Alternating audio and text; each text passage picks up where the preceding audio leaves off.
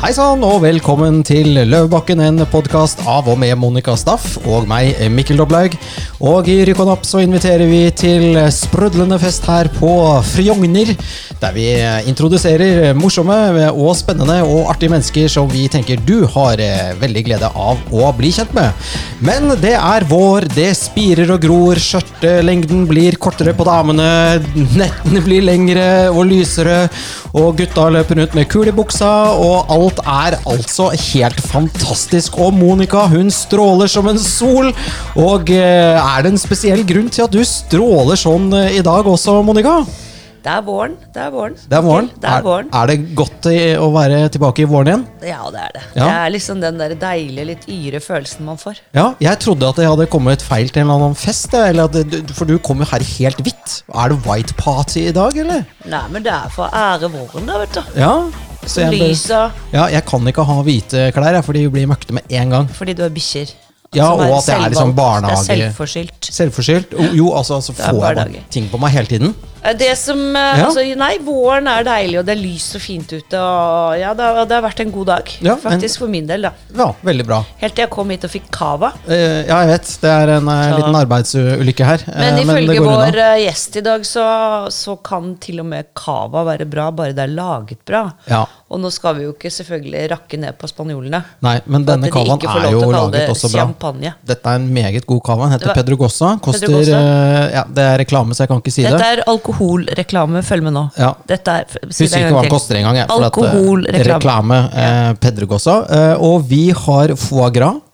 Vi har foie gras. Fianra på bordet her, og vi skal Mm. Altså bli masse, gras. Mm. altfor mye foie gras. Og vi skal bli bedre kjent med den mystiske personen som kjører ut din Range Rover der det står 'No Wife'.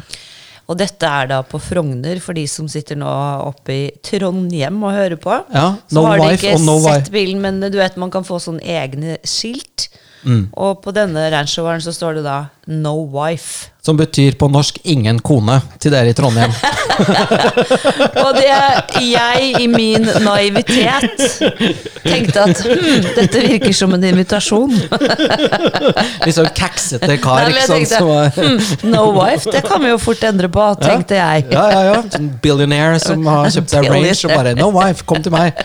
Ruse motoren i fotgjengerfelt og ja. Ja. Um, mm. Nei, vi, det vi skal snakke om i dag, eh, siden vi både har eh, drikke her og, og foie gras og god mat, så foie gras skal vi, har vi her av en helt spesiell årsak. Mm -hmm. ikke bare det at det smaker godt, mm. men vi har da besøk Besøk i av dag av en, en restauratør. ja, en kokk. En ekte kokk. En ekte som er kokk, blid som sola, han òg. Ja. Ja. Og han heter da Colin August Dahl. Og, Yes. Og, han har en restaurant i Oslo som heter Chocolat. Som betyr kokken Colin? Eh, Kok Hos Colin. hos, hos Colin? Hvis jeg får lov å snike inn. Ja, du, hold kjeft. Du, får, du har ikke introdusert ennå. Nei, det Det så hyggelig, hyggelig, hyggelig. Du får ordet når, du, når vi gir deg det, ikke sant? Nei, uh, det er jo en av um, Det er jo Ja. Ja. Skål. Skål, Mikkel. Det er en av de, Ja, en av de hyggeligste restaurantene i Oslo. Ja, det er det. Skål for det.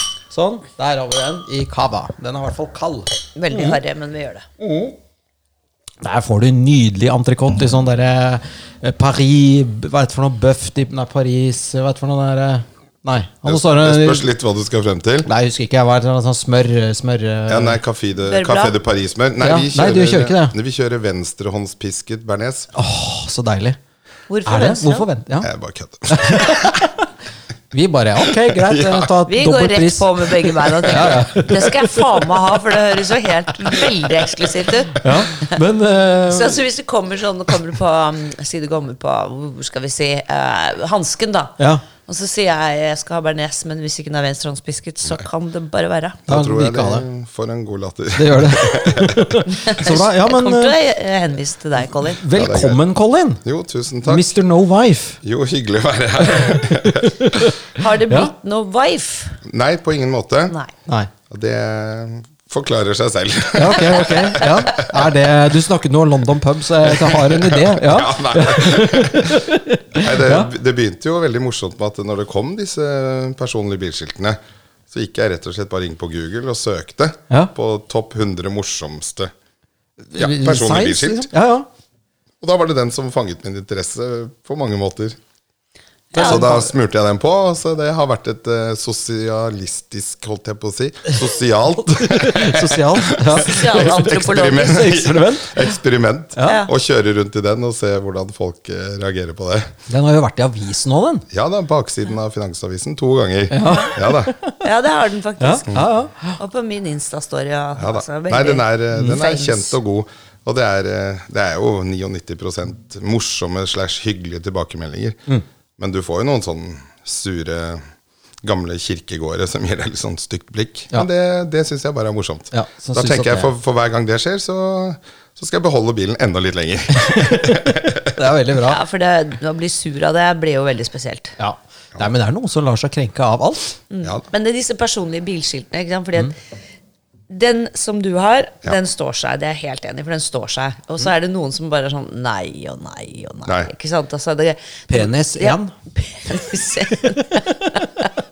Den hadde jeg tenkt å ta, men eh, den var tatt. Nei, fordi det skal litt til ikke sant, over tid at et sånt personlig bilskilt liksom er like morsomt, eller liksom har, har samme substansen som, som det hadde når du liksom tenkte at oi, den er morsom, eller den er fin, den tar jeg. Det er jo veldig mange kjedelige der ute. Mm. Eh, Men det må jo folk få lov til å velge selv, selvfølgelig. Men taco er liksom sånn Ja, Men altså, én ting skal sies, da. De pengene går til trafikksikkerhet. Ja. Og det er noe. Det er bra. Tenker jeg. Ja, det er veldig Det bra. er en av de aller aller beste jeg har sett, faktisk. Som jeg syns fortsatt jeg ler liksom, når jeg ser den. Den suser rundt i byen her ennå. Eh, god jul. Ja, hele året. Det er dritbra. God jul! Det, er sånn, det treffer liksom en gang i året. God jul. Mm. Ja. Nei, men Den syns jeg faktisk er, for det er så morsomt, det. Mm. God jul. Ja, tilbake til da eh, fransk bistro, for det er det du har, ikke sant? Det er Ja da. fransk bistro. Åpnet uh, sammen med en eh, kompis, Eivind. Åpnet vi Chocolat sammen for åtte år siden. Hellstrøm, ikke sant? Nei. Eivind Roald okay. ok. fra Vigra. Fra Vigra, ja. Ja, Var det, Ja. Sier du det? ja, så vi åpnet den sammen på Fredensborgveien for åtte år siden. Og kan vært i SAS? Nei, det er samme navn. Ja, nettopp. Så han har fått noen telefoner angående det, men det er en annen historie. Ja, han er fra Vigra. Ja, Har en tante på Vigra. ja. Ja Da kjenner de garantert hverandre. Ja, heter du Roald, så er du fra Vigra, liksom. Ja. Men, eh, men, men hør, hvordan ble du kokk? Fortell litt om deg selv. For det, Nei, altså, du, jeg- ja. Var det åpenbart at du skulle bli det? På ingen måte. Jeg gikk ferdig artium som På Ulleren gymnas? på Ulleren gymnas. Ja. Jeg innbiller at du også har, Ja, vi gikk jo på skole sammen. Ja. Det gjorde vi faktisk. Ja, Nei, så var jeg ferdig med det, og så dro jeg til Provence. Eh, hang der litt nede hos mor og far. Og så visste jeg egentlig ikke hva jeg skulle gjøre. Og så Mor har jo alltid vært veldig flink på å lage mat. Mm. Jeg er liksom oppvokst med lungemos og blodpudding som er stekt med sukker. Med Oi. råkost med rosin ved siden av. Ja. Og Det er ja det er godt, du. dritgodt. Det, Det er høres dritgodt, bare ikke tenk på at det er blod, liksom. Nei, nei, men De selger faktisk fersk blodpudding nede på Annis på mathallen. Gjør de det? Ja, ja, Den er Ja. dødsgod. Nei, og Så hang jeg i skjørtene på henne, da, og hun sto jo og fileterte makrell og tok ut beina. Jeg fikk 50 øre hvis jeg fikk et, eh, et ben i fisken. Så jeg har liksom vokst opp med å spise ja, hjemmelaget, ikke noe fancy, men hjemmelaget god mat hele mitt liv. Så sto jeg der nede og hang i skjørtet på henne, var 21 år og ante ikke hva jeg skulle gjøre. Så tenkte jeg fuck it, kan jeg ikke bare bli kokk? Så ringte jeg til Sogn videregående, og så hadde de sånn der to år på ett år. Ja, for du var jo ferdig med ferdig videregående, med så du, ja. måtte, du må liksom rykke litt tilbake til start? Ja, litt sånn voksenversjon. Du ble han. Jeg ble- jeg heter Colin! Ja, 43! Ja. Som jeg faktisk er nå. Du er på fadderuka, liksom. Yay!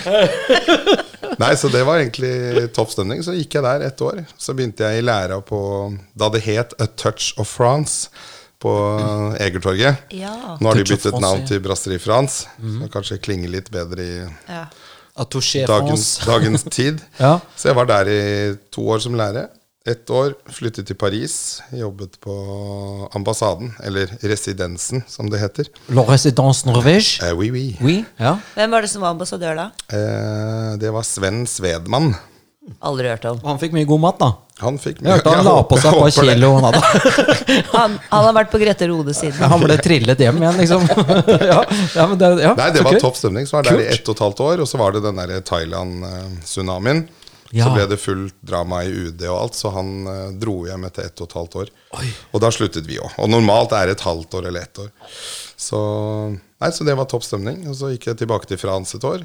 Så begynte jeg på Brasserie Blanche, det hvite huset i Ja. Hegdehaugsveien. Mm, mm, mm. Det det- er fint, det. Det var kjempegodt. det det. Ja, det var eh, bra. Ja. Åtte år der. Oi! Ja, da har jeg sikkert spist entrecôten din der, tror jeg. Det tror jeg.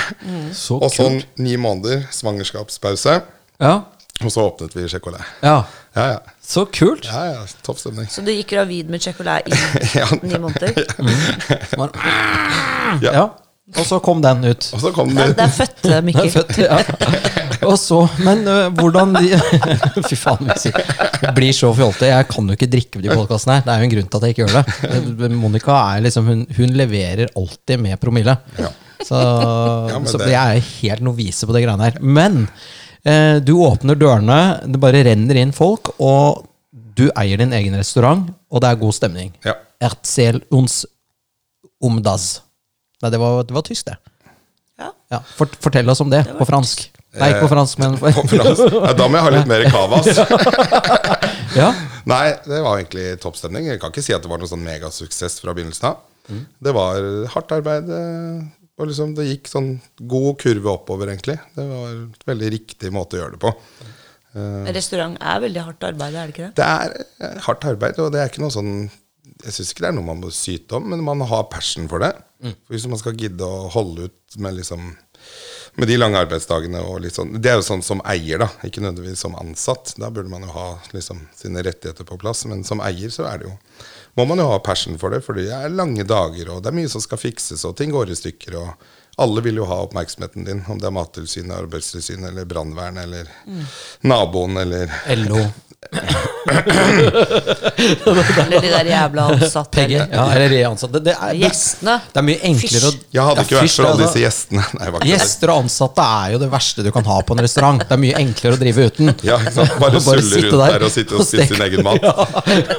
Nei, altså, Det har vært veldig, veldig en sånn fin kurve. da Mm. Veldig bra Så Siste årene er det liksom så å si fullt hver dag, og det er topp stemning. Og det er jo det er veldig morsomt å drive et sted når man ser at liksom folk setter pris på det du har lyst til å levere. da Mm.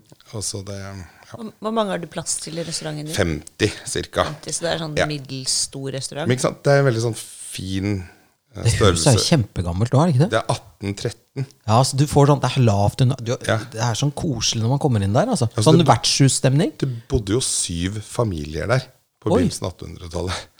i det I det huset. Ja. Så kan du tenke deg.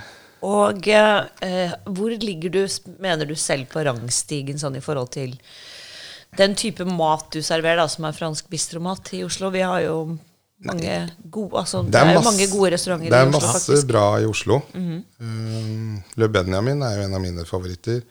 Der er vi mye og spiser. Jeg jobbet jo også med de før på Blanche. Så har du oss, og så har du Ja, du har jo en del andre franske òg. Jeg føler at det er Og de gode franske er jo fulle hver dag. Så det er jo et enormt marked. Det er litt kult òg, for, for altså, så gammel som jeg er, for 20 år siden Nei, men altså, Det har jo skjedd et eller annet med restaurantbransjen i Oslo. Det var jo ikke så mye, mye å, å skryte av for 15 år siden. Nei, det var ikke var Valentes i Kirkeveien. Ja, Og så var det den derre han eh, Hos Thea, kanskje? Nei. Nei, ikke altså, han nå snakker jeg om liksom 70. Ja, 70-tallet, ja. Ja, Ja. Uh, han derre ja, Valente, ja. Det, Det var ja, ja. Gino Valente. Gino Valente, ja. Ja, Han også- revolusjonerte Norge også med Ben pass- Josef. Ja. Ben Josef, ja. Josef, ja. Ja, og så var det KNA-hotellet. Ja, dette, dette, dette er bare hairstay for meg, for jeg er jo ikke vokst opp i den byen her. Nei, nei, men, Men det var mine- ingenting, omtrent. Eh, og så har det bare Men det har eksplodert liksom de siste ti årene, tenker jeg, da. Nei, det har vært en enorm eh, utvikling. Det er kjempegøy. Det er masse nye steder jeg ikke har fått med meg engang i Oslo. Som har vært åpen sikkert i én og to og tre år. Bare fordi jeg er gammeldags og går på de samme stedene. Så nei, det er, det er ganske bra utvalg nå, altså. Det er gøy å bo i Oslo. Og gøy å gå ut og spise. Ja, jeg er helt enig. Det er, eh, og det, det er som du sier, man faller litt inn i en eller annen fold, og så går man de samme stedene. Ja. Men det er jo Ja, det er vel kanskje litt sånn vanedyr som vi mennesker er. Ja da. Men, eh, ja, men ja. da tar jeg meg en liten bit foie gras. Ta foie gras. Det er jo en, egentlig en veldig fin det du, fordi intro at, um, til nå her. Foie gras. Veldig fin intro til dette med foie gras, for der er det jo Vi har jo en oppvoksende generasjon som er fryktelig opptatt av uh, Her spises det. altså, det er jo litt sånn at hvis man ser en sånn eh, Du vet sånn eh, utmagret hund som går ned i Sarajevo, holdt jeg på var jo gammel, når det var krig nedi der så har man liksom ganske mye mer sympati for den hunden enn det man har for et menneske som sleper seg gatelangs. Mm. Like utmagret, av en eller annen grunn. Ja. Og dette med foie gras har jo vært eh, en del sånne aktivister Jeg vet ikke om det er veganere eller hva faen det er, jeg, men eh, Nei, altså det er jo folk som er glad i dyrevern. Og så er det jo noen som liker å bare være med på den protestbølgen. Altså foie gras f.eks. i USA er jo forbudt. ja. Mens våpen er jo Lov. lov. Ja. Det er jo, og foie gras er jo på en måte Det er jo gåselever eller andelever, er ikke det? Ja, altså Foie betyr jo lever, og gras betyr fet. Ja, så det så det betyr så jo direkte oversatt bare fet lever. Fet lever. Så det er jo enten da, som du sier, lagd av and eller gås. Mm. Og, og eh, jeg har jo vært på en sånn foie gras-farm i Alsace en gang, og det, da, da syns, det syns jeg ikke var noe kult. Nei. For det, de ble tvangsfòret med sånne rør og sånn. Det var en ganske ekkel opplevelse. Og og det ble, hvorfor blir de det? Ja, for at de skal bli feite forte, tenker jeg. Altså det er Eh, fordi fortere. Ja. leveren skal vokse, da. Mm. Så den er jo ja, Nå husker jeg jo ikke akkurat, da, men det, den blir sånn tigangeren, Mm. liksom. Og det er jo Så de dør av leversvikt omtrent? Ja. Eller for stor lever? Oppå, nei da, bare tuller. Men, men, men poenget er bare at det er jo øh, drøye greier. Og etter det så har jeg vært litt sånn øh, at jeg ikke kjøper det, men hvis jeg blir servert det, så kan jeg godt spise det. Altså, men jeg gidder ikke å løpe rundt og, for noe, og moralisere over det. Det er litt sånn, Folk må jo gjøre seg opp sin egen mening. Men så har du også foie gras som er laget øh, på den andre måten, der endene eller gjestene spiser den sjæl. Altså ikke foie gras, men maten, da. Ja. Men det vi skulle frem til, var at øh, vi oppdaget jo at vi er på denne hemmelige WhatsApp-gruppen til Spetalen. Ja. Og der raste det. Det er en veldig engasjert, samfunnsengasjert eh, kvinne der. Som satte i gang en sånn boikottkampanje. Ja. Ja. Mot en del eh, restauranter i Oslo, inkludert av Checolet. Ja. For at de serverte foie gras. Og da tror jeg vi skal gi ordet til Colin. Trommevirvel. Hvem var det? Ja, ikke sant? Det kan du si. Ja. Nei, alle vet vel hvem det var. Nei, det var eh, rett og slett Gunhild Stordalen, som hun ennå heter. Ja. Um, Merkelig. Neida. Det er rart, det der. Ja. Ja. Uh, nei, det ble jo Altså, uten å på en måte kontakte oss, spørre oss hvilken produsent vi bruker, så gikk hun ut fra at vi brukte en produsent som tvangsfòrte sine ender. Ja. Noe vi da ikke gjør, eller gjorde. Så det er jo litt sånn ok å sjekke fakta på forhånd, før man på en måte finner på sin egen sannhet. Eh, Så hun lagde jo rett og slett en liten sånn image med bilde av en and som var liksom inni et sånt gjerde, på en måte, liksom bindt fast nesten, med en sånn trakt med noe mais og noe greier nedi halsen. da. Og uh, skrev jo vårt navn da på restauranten. Checolet. Ja. Ja. Og det var, liksom, det var litt sånn spesielt tidspunkt også å på en måte komme med den, det angrepet, hvis jeg få si det mildt. Det var jo rett etter pandemien, hvor det var ganske tøft for veldig mange, men også restauranter. da. Økonomisk sett, ansatte. Vi har jo mange unge ansatte som sikkert bor i litt sånn små leiligheter for seg selv og mye alene. og liksom, Det har vært en tung periode. Jeg vet ikke om jobben fins når man kommer tilbake. og Ja, du vet jo. Så når vi åpner opp igjen, da, så tok det liksom ikke lang tid før hun kom med den skytsen. da. Så jeg var litt sånn, jeg syns det er helt ok å mene at foie gras eh, ikke er greit. Er, jeg, jeg har ingen problemer med at folk har et annet syn enn meg på det. Eller vegetarianere eller veganere eller sånne ting.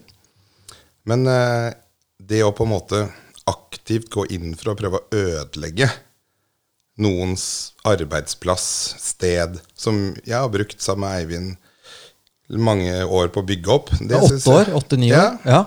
Da var det vel kanskje seks-syv, men uansett, ja. Så det var sånn, det sånn Jeg syns det var for drøyt, og i hvert fall når det ikke stemte. For vi bruker den beste foie gras-produsenten du får i Frankrike. Og da sier jeg beste med tanke på både kvalitet og dyrevelferd. Det er ingen tvangsfòring der i det hele tatt. Nei, og det er jo som du sier veldig spesielt å gå ut med det uten å, å gå til deg eh, og de andre restaurantene og Ja. faktasjekke ikke sant? hvorvidt eh, hvor denne foie kommer fra. Ja. For det ble jo fremstilt som om all foie gras blir, eh, blir eh, l- altså lagd av dyrehatere som holder i bur Ja. og tvangsfòrer de. Og uh, Gunhild Stordalen har jo nærmere 200 000 følgere på Instagram. Hvor hun la ut dette her, så det er klart at det har en stor impact for en, eh, en eh, Ja. Jeg syns det er et overgrep ja, når et maktmenneske som henne Og jeg vil si at hun er maktmenneske. Hun er rik, berømt, 200 000 på Instagrammen sin.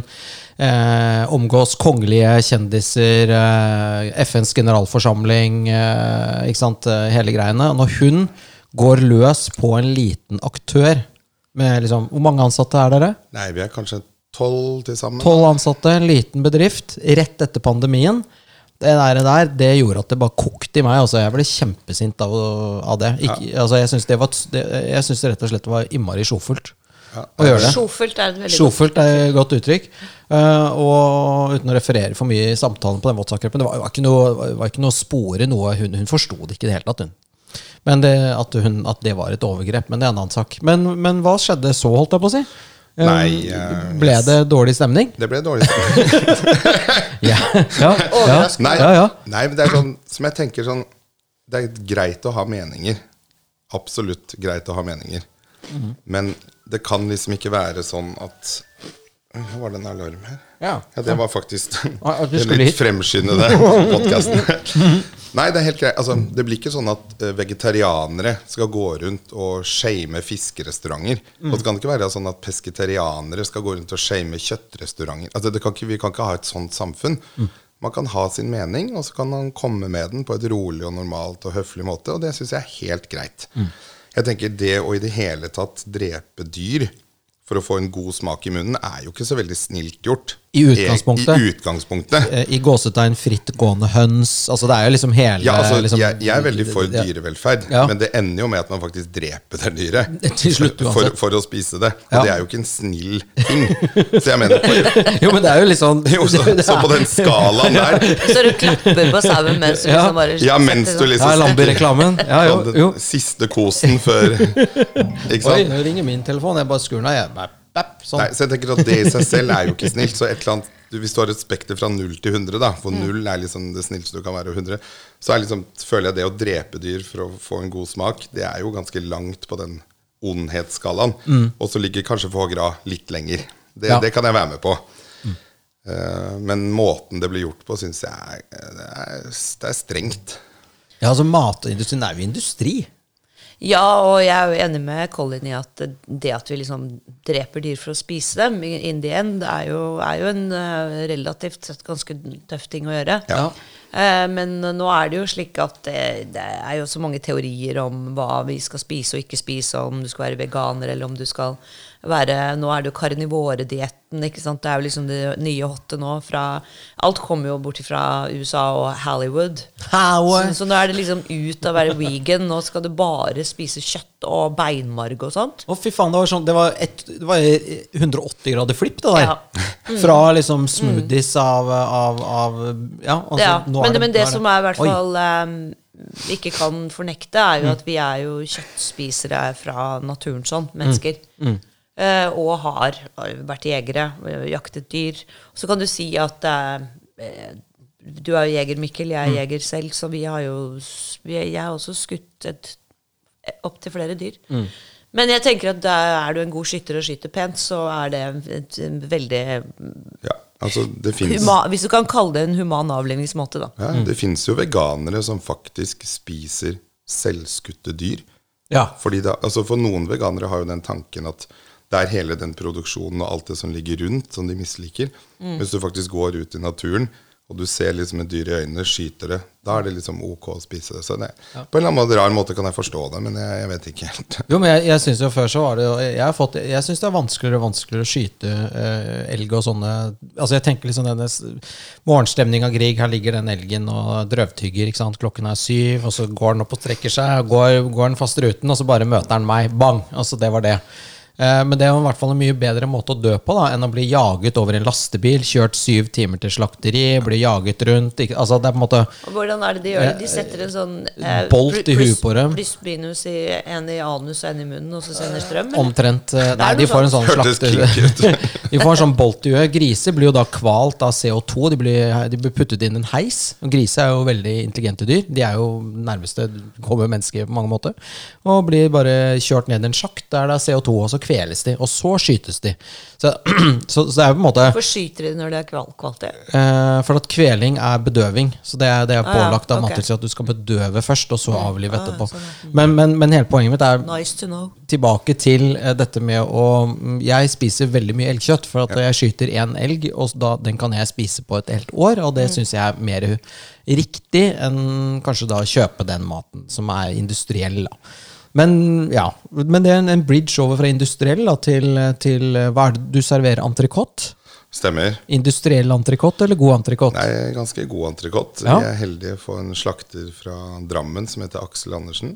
Og det er eh, rødt norsk fe. Og jeg tenker han har 10, eh, 10 av kuene hans er ekstra marmorert med fett. Og det er jo fett som gjør at en, et kjøttstykke blir juicy. Med mindre selvfølgelig indrefilet hvor det er mørt og de greiene der. Og det har vi, han har vi kjøpt fra i mange, mange år. Og det er, Men hvorfor blir det, hvorfor blir det fett marmorert? Ja, altså- Hva, er det kostholdet? Er det, det er vel det?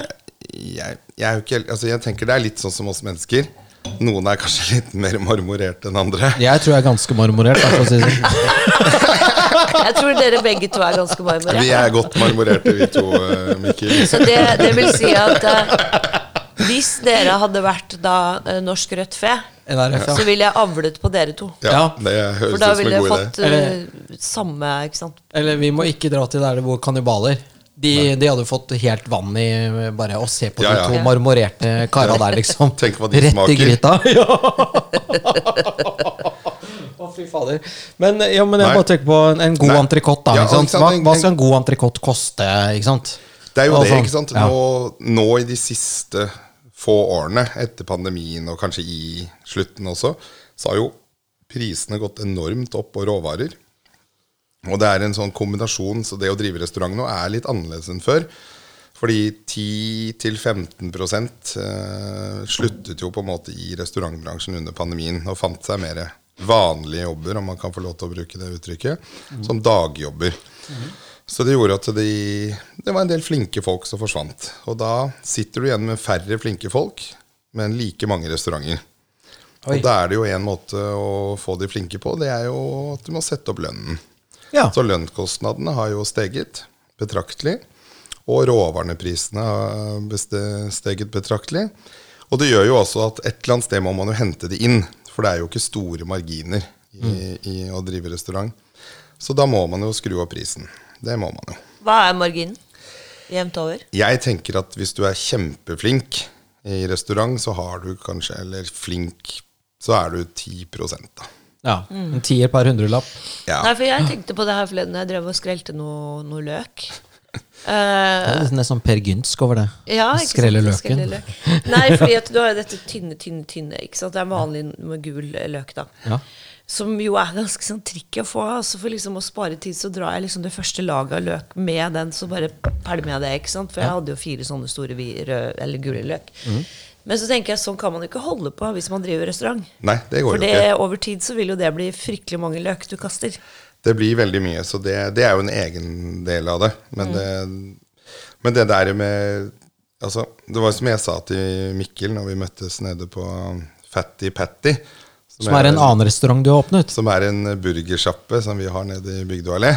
Som vi driver med smashburger og, og Hva er smashburger? Smashburger er minimum 21% fett i farsen, eller i kjøttdeigen. Og så presser du den helt flat. Så du, det blir som en sånn, sånn is, ishockeypuck. Ja. Ja. Og så har du et sånn ganske tungt jernutstyr som du presser den helt flat. Og da oppstår det noe som heter Maillard-effekten. Og det er at kjøttet begynner å karamellisere seg. Og når kjøttet karamelliserer Det seg hørtes veldig godt ut. Nå ble jeg tørst òg. Det hørtes jævlig digg ut. Ja. Og da Snakk mer om det. Ja, ok, jeg skal snakke mer om det. På en litt sånn uh, nattradiostemme. Karamellisert. Så vi presser den. Vi presser den inn. oh, fy faen. Nei, Så da, da oppnår du altså umami, da. Umami? Umami, som er er, jo den smaken. sjette smaken, eller et eller annet. Ja. Og da, når du liksom får sånn nystekt briochebønn som du smører majones på, og steker den For majones er bedre å bruke enn smør, for du får egget gjør at du får en sånn skikkelig sånn gylden, crunchy krøst.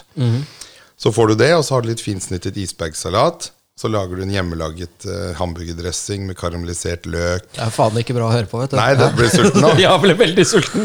Ja. Og så setter du alt dette, alt dette sammen til slutt. Da Ja. Da får du en uh, smashburger. da Å, fy fader, Ulan. Og det er jo veldig populært i USA. Jeg tror det faktisk kommer fra USA. Sånn 50-tallet, Denver eller et eller annet sånn. Ja. Men det er i hvert fall veldig populært. Og vi har jo noen steder i Oslo. Så det kom faktisk at jeg var i Thailand i fjor eh, med eh, kjøkkensjef og en kokk fra Checolat. Og da lå vi i bassenget der og kjedet oss eh, i en måned. Og til slutt var vi lei av thaimat. Det trodde jeg aldri jeg skulle bli. For det er jo så godt. Eh, det er jo fantastisk. Da prøvde vi å spise en burger her og der, og det var ikke noe suksess på noen som helst måte. Så tenkte vi bare sånn Hvor vanskelig er det egentlig å lage en digg burger? Hvor vanskelig kan det være? Og da tenkte vi, vet du hva? Når vi kom igjen, så starter vi vår egen burgersjappe. Så det gjorde vi. Fattig patte. Fattig patties. Det er egentlig det er litt sånn mot Altså, Det spørs hvordan man tolker det, men fatty som at det er mye fett i kjøttdeigen. Og patty betyr jo egentlig bare burgeren. Patty, patty. Ja. Ja. Så der Nå endelig kommer det Vi har spora 100 Vi har ganger.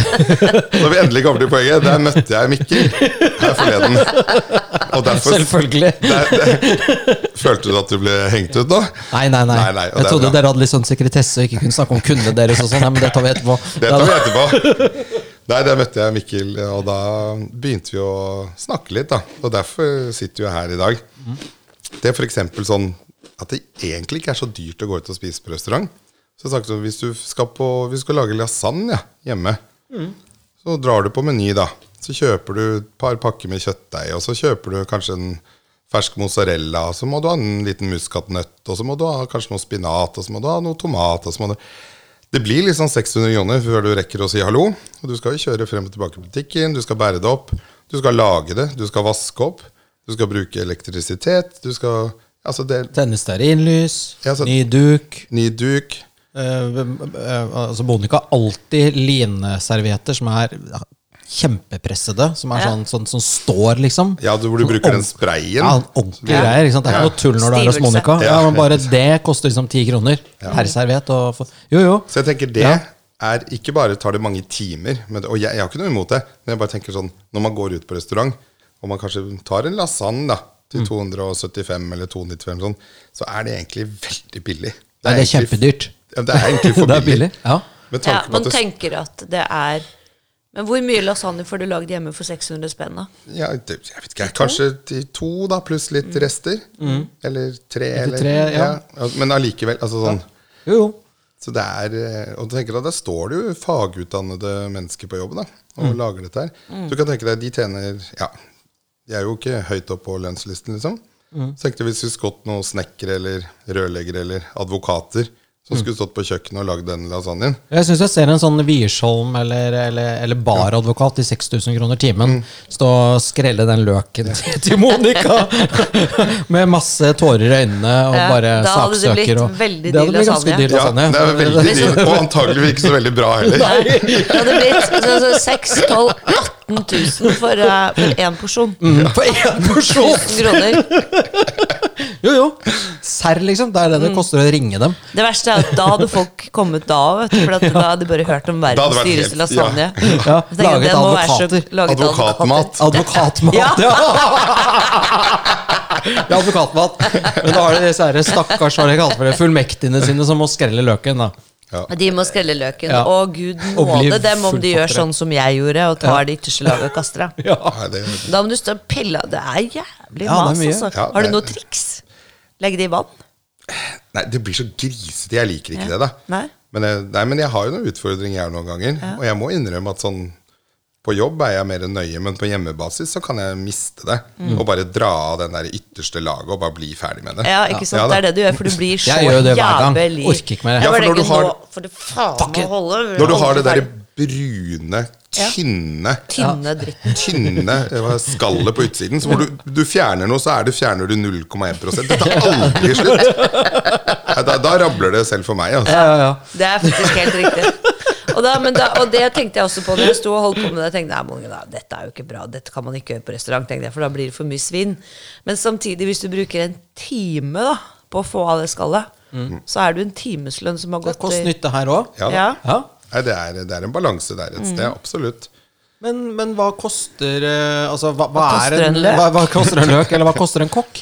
Altså, du har selvfølgelig institusjonskokker som åpner pulverposer og putter opp en miksmasse og trykker på play, liksom. Det er, men altså, hva koster en Hva koster en kokk?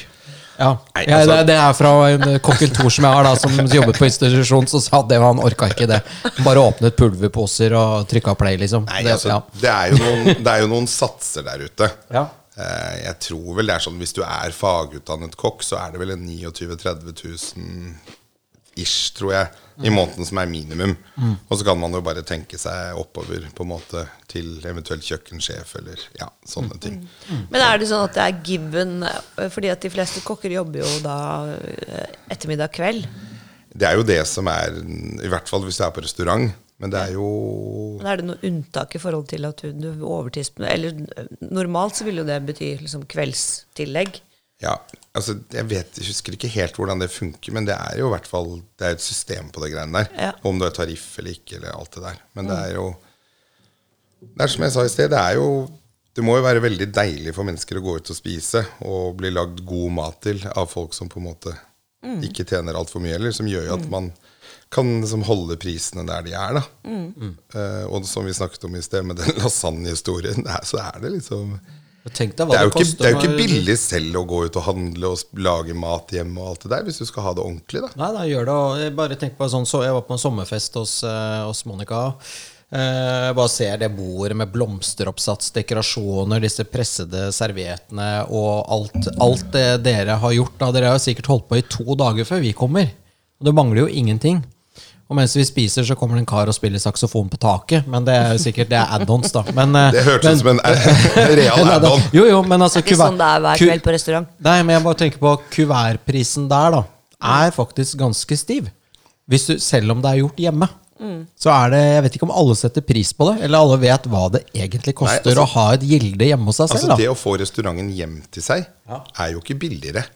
Nei, Disse menneskene, Og det er jo veldig ofte fredag-lørdag. Hvis du caterer, liksom. Ja, fredag-lørdag, Ja. som er jo primetime på en restaurant. Sånn normalt Så du fjerner jo ansatte fra en restaurant i primetime, så noen må jo inn. Mhm. Og de menneskene som må inn der, må jo ha ekstra betalt. Så det er jo det er ikke noe sånn Man, må, man sparer jo selvfølgelig penger på vin, og sånn, det gjør man. Ja. Men sånn matmessig å få en restaurant hjem til seg er jo dyrere enn å faktisk gå på restauranten. Mm. Tenker jeg. Ja. Vi må ut og spise mer, altså. Det er Ja, det altså, Det er, mot, det er motto. det er motto. Jeg syns jeg er ganske flink til det. Jeg var Ja. på Sjømagasinet her forleden. Ja. På mandag. På mandag. Det er ikke dårlig. Ikke dårlig. Og i kveld skal jeg på Savan. Oi, Og her går det unna. her går det unna. Ja, ja, ja. Jeg skal på sånn derre argentinsk bistro, jeg. Der det er sånn grønt kort. Da kommer de med mat hele tiden. Helt til du sier stopp. Stopp, og da er det rødt. Da. Så får du rødt kort. Da må du hjem. Ja. Hvor er dette? Det er nede ved rådhuset. Det heter, jeg tror det heter La Brasil eller Brasil. Brasilia. eller- Brasil eller sånt. Brasilia med argentinsk mat. Ja, veldig bra. Veldig, Veldig bra. Apropos Nei. Veldig deilig å ha en Ikke podkast om argentinsk med brasiliansk mat, men omvendt. rett og slett. Omvendt, ja. Argentinsk brasilmat. eller er- noe i den duren er- der. Ja, det høres helt dust ut, men Ja. greit. Det, dit skal ikke jeg. Nei, det skal du få slippe. Nei, ikke jeg heller, jeg. faktisk. Nei, jeg skal på sjokolade, jeg. Vi skal på sjokolade. Jeg har jo faktisk ikke vært vi. der, og det er flaut. Nei, men du kommer til å elske det. Du kommer til å elske det. Det er nesten Ja. så du må bøye hodet når du går inn, for det er sånn lavt under taket. Det er sånn skikkelig koselig sted. Okay. Kanskje superromantisk. Ja. Uh, super. Har du bra vinkjeller? Vi har jo Apropos, nei, det var kanskje ikke romantisk, da, men ok. Ja, Jo. sorry. Det- det Ja. kan bli det. Det kan bli ja, ja, ja. Nei, vi har Bare jo ikke for mye. Vi har, eh, vi har vel 50 sider med vin. Oi, ikke mindre. Nei, så det er jo Men det er noen man Altså, når vi åpnet opp, så hadde vi 11 sider mm. for åtte år siden. Mye da. bag-in-box og Da var det det. Nei, okay, nei. Nei da. Vi har, eh, vi har samlet mye og kjøpt litt i Frankrike og ja, vært litt sånn på hugget der. Vi er jo veldig glad i vin, eh, jeg og Eivind. Eh, Så det, det merkes jo. Så vi har, det er Burgund som er eh, favorittområdet. Ja. I hvert fall mitt. Jeg vet ikke om Eivind er enig. Han er litt mer nys- nysgjerrig og moderne enn meg. Å, sånn amerikansk fra Ja, og så Jura, Savoie Ja. Liksom sånne litt mer sånn Fordi Burgund har jo blitt vanvittig dyrt. Ja. Altså det er jo, Prisene har jo skutt i taket. Ja, det og det er jo grunnet ja, Det har vært noen dårlige år. Eh, det asiatiske markedet er jo helt kokos eh, etter Burgund. Mm. Før var det jo Bordeaux som var greia deres, men de har jo fått smaken på Burgund. Så det er jo Dessverre. Ja, dessverre. Dessverre, dessverre for oss. Når liksom en Bourgogne Blad liksom har nesten doblet seg i pris fra ett år til eh, et annet år. Ja. Og så er det liksom så, Det blir liksom sånn nesten sånn det blir så, Man blir så lei seg av å sette det på kartet, for det blir så dyrt. Man ønsker jo ikke skal være det. Men man ønsker jo å ha tilbudet der allikevel, da. Nei, og det er jo, ikke sant, Når man eh, prissetter vin på en restaurant, så ganger man det jo opp med tre eller tre og en halv. Ja, eller Nei, tre og, altså, Det spørs jo.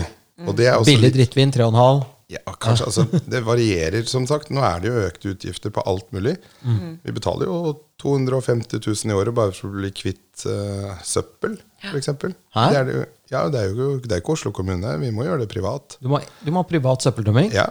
Altså, okay. Og det, jeg har på en måte ikke noe imot det, men det er bare sånn Det er 250. Du skal selge et par, par entrecôter, da. Ja, ikke sant? Så, Du skal liksom selge noen løksupper for å, for å få betalt det, da. Ja. Og det blir vanskelig. Har du løksuppe? Ja. ja. Det var jævlig kult å regne ut hvor mange løksupper du må selge for å få er- betalt søpla. Det er, Liksom. noe, det er noen løksupper, altså. Ja. Og så er det strøm. Ja, strømmen har jo vært vanvittig. Du kan, eh, I et gammelt trekkfullt hus, da, Mm. Ja. så kan du bare tenke deg. Så knuses det sikkert noe glass. Det knuses glass, og det, folk river opp døren, så den dørpumpen detter av. Ja, folk Og- spyr i tallerkenen sin. Ja, ja, det, det er det, det, det, Det det heldigvis ikke det. Ikke hos deg. Nei, ja, men altså, det, Men det, skjer det, ting. skjer ting, da. Altså, du har jo en, skal du ha en ordentlig ovn, så er det 100 000 kroner da, på kjøkkenet. Den Ja. går jo i stykker, den. Ja, oppvaskmaskin, eller kombidamper. Ting går i stykker hele tiden. Og, Så det er jo kostbart. Det er jo som å drive et hjem som blir på en måte misbrukt av 100 mennesker hver dag. Ja, ja. Hvis du skjønner. Ja, Og det er ikke noe problem, det. Men Nei, det er ofte det blir slitasje. Det blir Ja. slitasje, og det er ofte tunge, store sånne. Vi elsker jo det vi gjør, men bare, det, det må koste, liksom. Ja. Det må koste det det faktisk koster å gå ut og spise. Ja. Folk skal, ja. Ja. Nei, og jeg føler jo at det er en litt Kulturen har jo endret seg på det. Folk går jo mer ut og spiser nå. Ikke sant, enn man gjorde for bare ti år siden. Så Sånn at du går ut uh, på hverdager. Det er ikke bare liksom, torsdag, fredag, lørdag man er ute. Det er ikke, nei, det er, eh, det er en annen kultur nå. Og jeg merker jo faktisk Når vi åpnet Checolet for åtte år siden, så var det en sånn medium stekt til medium pluss, og det var en god lyd. Ja, Og nå er det Det blir mer tøys på Mikkel nå, så Nå må vi, av, må vi avbryte Avbryte podkasten? her. Nei, altså, nå er det mye mer medium rå stekegrader. Så det er jo, du ser jo at det er en Jeg vil ikke kalle det en lære, kanskje, for folk må få lov til å ha, biffen sin stekt på den måten de vil. Men det er, jo- man kan i hvert fall observere at det er en forandring. Altså, vi ute i provinsen, oppe i det kalde nord, oppe i iskanten, liksom. Vi har også lært at biff skal ikke være grå og gjennomstekt. Den skal være litt uh, Det skal i hvert fall være rosatoner. inni der, ja. Ja. ja. Jeg liker jo entrecôten min eh, 15 sekunder på hver side. Ja. Det er litt sånn Blø. blø, så det er blø, Kald liksom. inni. Ja, kald inni. Ja, yes. Så heller den venstre piskede bearnesen din varme opp resten, liksom. Når den blander seg med blodvann. Ja, ja, ja. Det er oi. lekkert. Det er lekkert, det er dritlekkert. Men på, eh, i og med at det er ute, it's out of the box Jeg var eh, på Fatty Patty og spiste en burger. Eh, da vet alle det. Eh, en umami-burger. Da fortalte du meg om at du hadde vært på speeddate hos Nav. Ja, nå tar jo den podkasten en helt ny turn. For vi skal jo faktisk, eh, av alle steder på denne jord, skal vi åpne restaurant i Sarpsborg. Ja, Blei det noe på deg? Nei. ja. Ja, det ble faktisk noe på meg. Men du skal til Serp? Ja da, Plankebyen. Nei. Nei, det er, det er da, det. Nå er du ute å Nå er jeg ordentlig ute å kjøre. Unnskyld, unnskyld til alle sammen. Til alle i Fredrikstad, tenker Alle i Fredrikstad. Ja. Det er for, Fredrikstad er fortsatt plankebyen, men vi skal til Serp. Hva har de driver med Serp? Jeg tror det er mye industri. Borregaard eller sånt noe? Ja, mye industri. Ja. Um, Men dere åpner opp i Serp? vi åpner uh, mandag 1. mai. Oi! På selveste dagen. Ikke sant? Da blir det et blir slags bra. åpent hus. Ja, Menstadslaget. Nei, det skal hete La Maison, som La betyr Maison. huset på fransk. ja, rett og slett. ja. Så det er et ærverdig bygg i Sarpsborg som heter Festiviteten. Mhm. Som har vært liksom ja, alt fra festlokale til uh, noe greier under krigen og ja, alt mulig rart. Så det er, mye, det, det er et viktig hus for eh, serpinger. Og det er det kommunen som eier det, eller er det Det er en, en fyr vi kjenner som eier det. ja. Så, Altså en av disse som ikke har rukket å flytte til Sveits ennå. Ja. Så eh, Nei, så vi åpner jo der, da. Og i den forbindelse så ble jeg kontaktet av Nav Sarpsborg. Så hadde Nav Sarpsborg og Nav Fredrikstad hadde lagd noe som heter speeddating. Så da var det bare å møte opp 08.30 på et hotell i Fredrikstad, i et eh, slags konferanselokale der, og sette seg ned. Og da var det folk som var på Nav, som var på, jobb, nei, på jakt etter jobb i restaurant og hotell, som hadde fire minutter på seg. Så da gikk de rett og slett bare nedover, nedover, nedover. Så da kom de, satte seg ned, hilste på oss, eh, smukka en CV i bordet. Og ja, så snakket man sammen. Det er egentlig bare sånn litt Det er ganske fett at Nav Jeg, jeg ser alltid for meg Nav som sånn støvete kontor som er ganske sånn derre Ja, velkommen, eh, trekk høla opp, ikke sant, sånn Men de har faktisk Altså, det er jo ganske framoverlent, Ja, altså, Vi får jo noe for skattepengene våre her. Ja, Ja. Så jeg må faktisk nesten berømme de. Nei, jeg syns du skal berømme dem. Ok, jeg berømmer det. For det funket egentlig veldig bra. Og det gjorde jo faktisk at vi fikk en oppvaskhjelp. Hun var 25 år, fra Tsjetsjenia. Snakket ganske bra norsk. Eh, Superblid, topp stemning. Hun var klar for å liksom stå i oppvasken, fikse blomster, gjøre alle disse tingene her. Så Er hun en sånn som på en måte i løpet av to-tre ender opp som restaurantsjef, eller? det Har- vet jeg jo Nei, ikke. nei, men har liksom driven i seg? Ja, men hun var veldig sånn Jeg kan skrelle gulrøtter, jeg kan kutte løk, jeg kan Ja. Kan Hun, hun var klar for alt. Skrelleløk. Ja, skrelleløk. Vi kan ha en egen podkast om det. Monicas løkskrelle. Løksuppe! Live løksuppe. Ja, ja, jævlig kult. Ja, men så kult. Ja. Nei, og så fikk vi en kokk også. ja. Eh, Så det var det vi var på jakt etter, var en oppvaskhjelp og en kokk. Så vi fikk begge to. Og Nav ringte meg faktisk i dag på Ja. vei opp bakken her og sa liksom Hvordan gikk det? Fikk dere noen kandidater?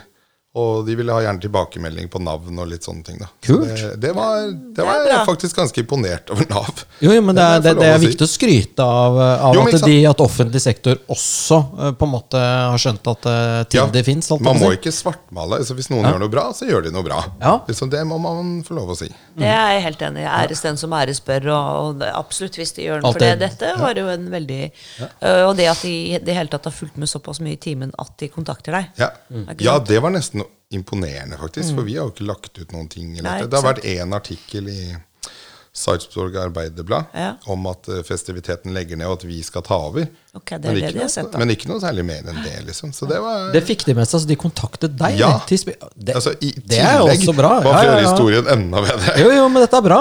Dette er bra. Dette er jo godt å høre, da. Ja, ja, så nei, så veldig Jeg betaler fortsatt min skatt med glede. ja, Inntil videre. Ja. Inntil du flytter. Inntil jeg flytter. Du betaler deler av skatten din med glede. Ja, del, deler av skatten. Nå betaler vi deler av skatten med glede. Gjør vi ikke det?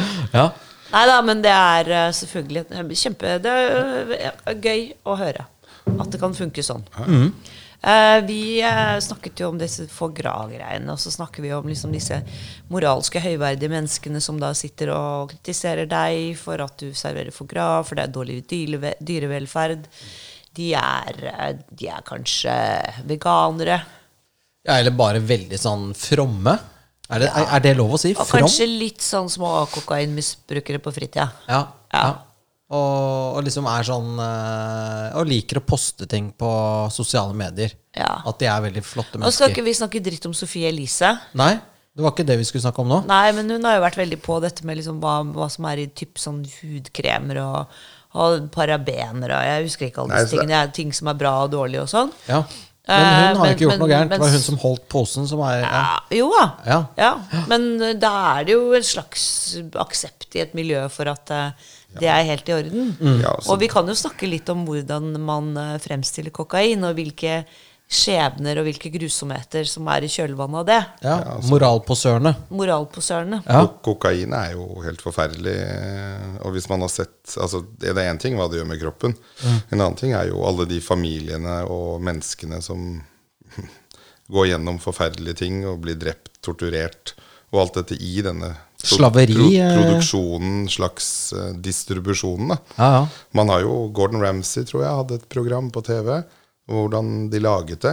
Og det er jo betong, parafin altså det er jo Ja, altså, de det er- blander alt mulig drit Det er så skadelig for kroppen at det er ikke morsomt. Og hvis Det er som å dra liksom, sementstøv inn i hjernen. Ja. Liksom. Vi- Gordon Ramsay, liksom, har og, og, laget hvis, det. Ja. og hvis disse samme menneskene går på kafé og spør om kyllingen er økologisk Da kjenner Eller jeg at avokado. Ja, ja, ja. da, eller avokado og scampi. Liksom alle vet at det trengs en innsjø for å lage en avokado. Ikke sant? Eh, Så det er liksom sånn Den dobbeltmoralen der har jeg ingenting til overs for. Mm. for hvis, du, hvis du virkelig liksom Hvis du virkelig vil være et snilt menneske og gjøre noe bra for verden, Mm. Så støtter du liksom ikke kokainindustrien. Nei, Fordi- eller avokadoinvestoren. Nei, for de har jo, altså, de har jo torturkamre i kjeller i Amsterdam. Det er jo 50 000 mennesker i Mexico som dør, eller et eller annet sånt. Jeg kan ikke tallene akkurat, men Mm. det er en forferdelig, forferdelig opplegg. Mm. Så samtidig som du føler at på en lørdag så kan du snorte deg litt av linje, liksom. Mm. Og søndag når du sitter på en lokal kafé et sted og skal ha cæsarsalat, så spør du servitøren om det er økologisk kylling. Ja, da, da, Jo, er, da er- mister jeg det litt. Ja, ja, det ja, skal jeg få lov å si. Men det er, det er Hva var det som sa at uh, dobbeltmoral er bedre enn enkeltmoral? Eller Bedre er enn ingen moral. Ingen- Bedre enn ingen moral! Det var vel, eh, det var vel eh, eksmannen til Gunhild Det var det- Stordalen. var det det? Ja, det var Petter Stordalen. Dobbeltmoral er bedre enn ingen Ingen moral. Ja, nei, men, men, men det, er jo, det er jo det som er liksom spesielt med de tider vi går inn i her. For jeg føler på en måte at det er jo ingen Er det diskrepans det heter? Det er ingen sammenheng mellom måte, Diskrep diskrepans betyr vel at noe mangler. Mangler? Ja, Det, altså det, er, at, det er som det fjærer. Sjøen fjærer. Fjærer? Diskrepans. Det blir mindre og mindre. mindre og mindre ute Ok, så det var feil ord. Jeg prøvde å være smart her. Det hørtes veldig flott Det hørtes veldig eh, flott ut, men eh, Diskrepans. eh, jeg kaster håndkleet. Jeg hadde ikke noe poeng. Discre- Discrepancy. Discrepancy. Ja. Nei, men, There's men a, eh, bit- a lot of discrepancy la- lately. veldig mye mennesker som går jævlig høyt på banen. Mm. Og så viser det seg selv eh, litt sånn etter hvert da at eh, Oi, eh, det var ikke helt rent mel i posen. Eller det var ikke helt bra trav, eller jeg vet ikke helt hva du skal si, da. Men eh, jo, jo. eh, og det er jo også litt interessant eh, i, i dagens samfunn, da.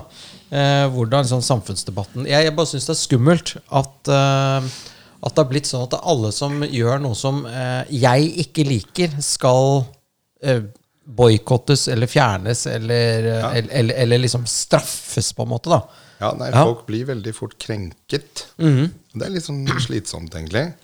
Og, og jeg syns om F.eks. at man går på restaurant Ja. Man må ikke alltid liksom si hva man mener. Hvis du skjønner hva jeg mener? Altså sånn, det er jo ikke alltid at det er interessant for en, eh, noen på en restaurant å vite hva, akkurat hva du syns. Jeg tenker sånn du, du har sikkert helt sykt mye Nei, fete nå, nå, nå stories. Nå, jeg at det, Nå skal jeg ta meg sammen. her. Nei, nei, nei. Dette er dritbra. Hvis du går på sjokolade, ikke si Ja, ja. noe. Ikke kommenter. Ikke kommentar. Jo, men vi er jo vært i samme, ikke i samme bransje helt, da, men altså, det er, kunden har ikke alltid rett. Nei, som regel ikke, faktisk. Som regel ikke. men det er et poeng. Ja. Jo, men ikke sant, hvis, du, hvis du får en fisk med noe kål, og den kålen er for salt, da er det bare å legge seg flat med en gang. ja. Med Men en for gang. salt er vel uh... Jo, men ikke sant, hvis, hvis du tar den tilbake da, og faktisk smaker på den, og du kjenner at her har det skjedd en ulykke, Ja. så er det jo bare å fjerne, den fra regningen, lage en ny rett, legge seg flat, Mm. gi litt kaffe, ah, litt petit four, og liksom bare være ordentlig, ordentlig sånn shit, sorry, sorry, sorry. Mm. Men du har jo mennesker som har veldig sterke meninger om hvordan ting skal være. Mm. Eksempel La meg tenke sånn 60-årene, par fra Ullern. som- Ullrenn. Ullrenn. Eller Ullevål Hageby. Ja, eller, ja. som har vært på ett sted i Frankrike hvor de har hus, hus i 30 år. Og så går de på den lille lokale uh, bistroen, og så får de den løksuppen. Ja. Og så kommer de til oss, Ja. og så er ikke løksuppen lik. Og Nei. da tror de på en måte at vi har gjort en feil. Skjønner du? Skjønner Og du? det har de jo åpenbart. åpenbart. For du har ikke vært på den ene, Nei, ene eneste lille restauranten i hele Frankrike som kan lage løssuppe på én spesiell måte. Og når du da får liksom sånn Den var god, men Ja. Altså den, når den mennen kommer hver gang. Sånn, den var god, men, det var ikke sånn den skal være. Og da blir jeg sånn Ting kan lages på så mange forskjellige typer måter. Mm. Hvorfor ikke bare liksom embrace det og tenke ah, fy faen, det var en litt annen måte å lage det på. Ja. Det var jævlig godt, men det var ikke helt sånn som jeg er vant til.